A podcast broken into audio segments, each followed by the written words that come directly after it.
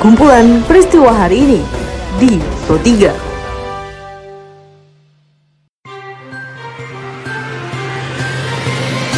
Halo pendengar, selamat berjumpa kembali di podcast Pro 3 RRI dengan kumpulan peristiwa yang terjadi pada hari ini.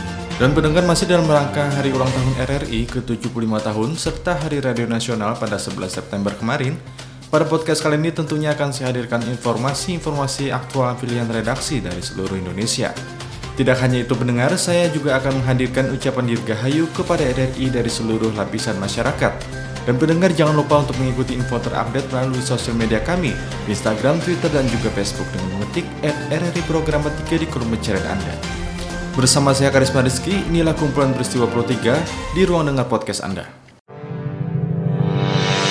75 tahun RRI mengudara, memberikan informasi dan mengedukasi para pendengarnya. Tetap semangat mengudara untuk turut mencerdaskan bangsa Indonesia.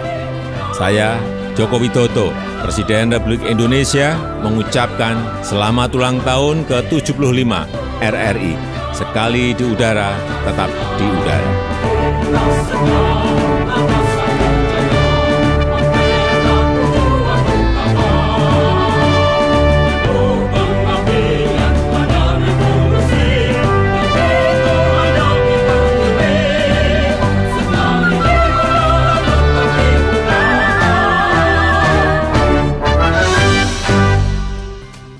Kabar pertama pendengar, sebagaimana yang dilaporkan reporter Alfred Stuter, di mana Gubernur DKI Jakarta Anies Baswedan menerapkan kembali pembatasan sosial berskala besar atau PSBB selama dua pekan mulai 14 sampai 25 September 2020. Keputusan itu karena kasus pandemi COVID-19 di ibu kota semakin tinggi. Dan berikut pernyataan Anies terkait hal tersebut. Ada lima faktor dalam pembatasan ini. Pembatasan aktivitas sosial, ekonomi, keagamaan, budaya, pendidikan, dan lain-lain. Itu pertama. Yang kedua adalah pengendalian mobilitas. Yang ketiga adalah rencana isolasi yang terkendali. Yang keempat adalah pemenuhan kebutuhan pokok. Dan yang kelima adalah penegaan sanksi.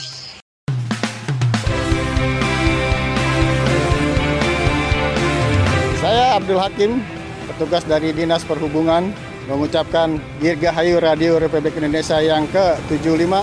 Semoga RRI menjadi ujung tombak untuk uh, informasi bagi masyarakat Indonesia. Bangkit untuk Indonesia maju.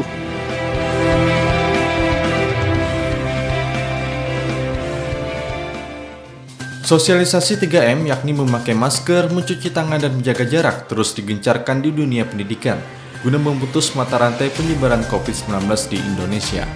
Edukasi perubahan perilaku di dunia pendidikan pada masa adaptasi kebiasaan baru terus diupayakan. Dikutip dari laporan reporter ini Hairani, di mana menurut Ketua Bidang Perubahan Perilaku Satuan Tugas Penanganan COVID-19, Sony Hari Harmadi, mengatakan mayoritas penderita di Jakarta berusia muda, yakni berkisar di antara 19 hingga 31 tahun. Cuci tangan dengan sabun, lalu menjaga jarak minimal 1 meter, kita telah menurunkan risiko tertular COVID-19 sampai 85%. Dari ketiga hal tersebut, ternyata yang paling sulit dilakukan adalah menjaga jarak. Walaupun ketiga hal tersebut dilakukan, ternyata kepatuhannya masyarakat belum 100%. Dan yang menarik lagi, ternyata semakin tinggi usianya, semakin patuh, semakin muda, semakin tidak patuh. Mayoritas penderita COVID-19 itu berusia 19 sampai 30 tahun. Karena ternyata mereka itu cenderung berkumpul mengabaikan protokol kesehatan dan cenderung karena fisiknya mungkin kuat menjadi orang tanpa gejala.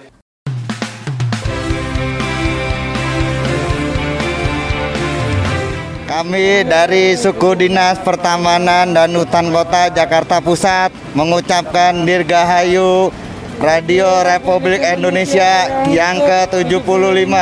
Semoga tambah sukses dan tambah maju. Bangkit untuk Indonesia maju.